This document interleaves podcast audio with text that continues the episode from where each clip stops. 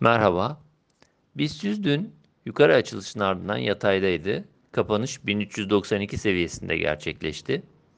Endekste 1393 seviyesinde bulunan 200 günlük ortalama etrafında dalgalı seyir devam ederken 50 haftalık ortalama bölgesi de olan 1375 seviyesi üzerindeki seyrin korunuyor olması bu destek bölgesi üzerinde tutunma çabasının sürdüğüne işaret ediyor.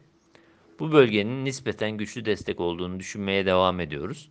Bu seviye üzerindeki hareketin devamını beklemekle birlikte 1375 seviyesi altına yaşanacak bir sarkmanın ilk aşamada 1365-1340 bölgesini gündeme taşıyabileceğini söyleyebiliriz. BIST'te kısa periyottaki zayıflamanın giderilebilmesi için ise 1412-1430 seviyesi üzerine geri dönüş gerekiyor. Aksi durumda zayıflamanın daha da belirgin hale gelmesi beklenebilir.